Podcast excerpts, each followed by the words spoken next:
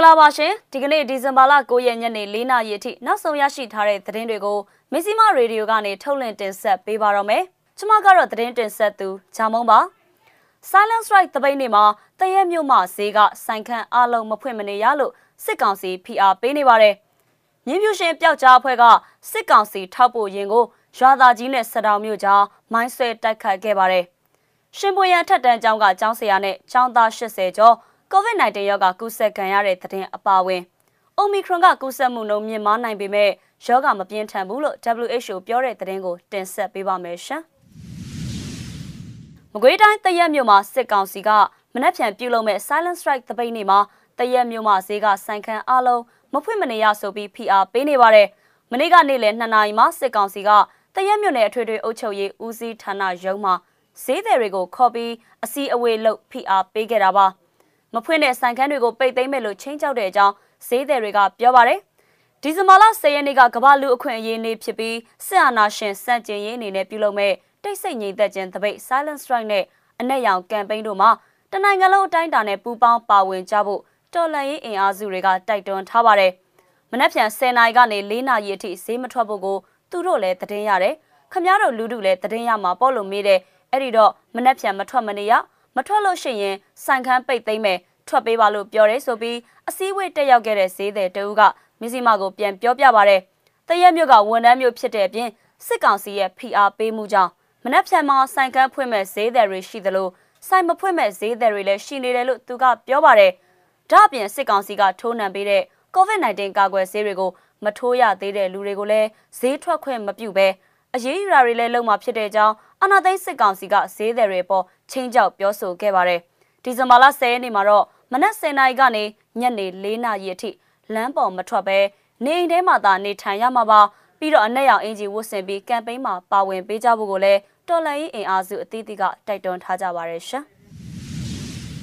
စကိုင်းတိုင်းစကိုင်းမြို့ဘက်ကထွက်ခွာလာတဲ့စစ်ကောင်စီတပ်ထောက်ပို့ရင်ကိုရွာသားကြီးရွာနဲ့စတောင်မြို့ကြားမှာမိုင်းဆွဲတိုက်ခိုက်နိုင်ခဲ့ကြောင်း မြင်းပြူရှင်ပျောက်ကြားအဖွဲ့စီကသိရပါဗျ။မနေ့ည10:15မိနစ်လောက်မှာအဲ့ဒီထောက်ပို့ရင်ကိုမိုင်းလေးလုံးရှော့တုံးနှလုံးနဲ့ဖောက်ခွဲတိုက်ခိုက်ခဲ့တဲ့အကြောင်းမြင်းပြူရှင်ပျောက်ကြားအဖွဲ့ကပြောပါတယ်။မိုင်းလေးလုံးရှော့တုံးနှလုံးနဲ့ပစ်ခတ်ခဲ့တဲ့အဲ့ဒီအချိန်ကားကစက်တန်ကြီးမြည်ပြီးလုံးဝလည်းမသွားတော့ဘူး။ကားဘိန်းတွေလည်းပေါက်ပြီးလုံးဝပျက်စီးသွားတယ်။ထောက်ဖို့ကားဆိုတော့အဲ့ဒီထဲမှာစစ်သားကတော့၃ယောက်လောက်ပဲပါမယ်။လူသံတော်မကြားရတော့ဘူး။ကျွန်တော်ထင်တာတော့ခေါင်းကန်းကလူတွေအကုန်တေလောက်တယ် တက်ပြီးရှင်းနေဖို့လုပ်ပေမဲ့အဆင်မပြေလို့ပြန်ဆုတ်ခွာခဲ့ရတယ်လို့မြပြူရှင်ပျောက်ကြားဖွဲ့တာဝန်ရှိသူကမစ္စည်းမာကိုပြောပါတယ်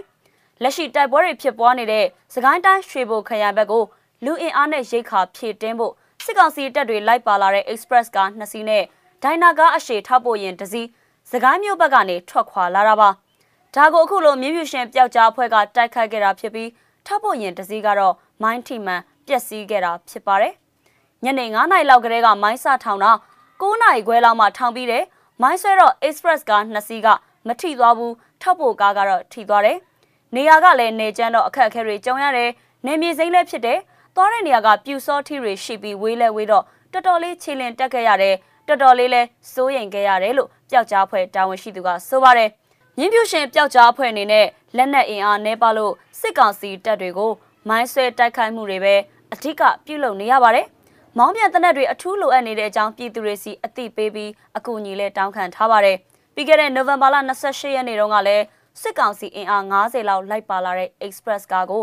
စကိုင်းတိုင်းဝက်လက်မြို့နယ်ထဲမှာရှိတဲ့ရွာသားကြီးရွာနယ်စတောင်မြို့ကြားမှာပဲမိုင်းဆွဲတက်ခိုက်မှုပြုလုပ်ခဲ့သေးတဲ့အကြောင်းအဲ့ဒီအဖွဲ့တာဝန်ရှိသူကပြောပါရရှင်။တနိုင်းမြို့နယ်ရှင်ဘွေရမြို့မှာရှိတဲ့အခြေခံပညာထက်တန်းကျောင်းကကျောင်းဆရာနဲ့ကျောင်းသူကျောင်းသားစုစုပေါင်း89ဦး COVID-19 ရောဂါကူးစက်ခံခဲ့ရတဲ့အကြောင်း The 74 Media ရဲ့သတင်းမှာဖော်ပြထားပါတယ်။တန်တရာလူနာကျောင်းဆရာတဦးမှာ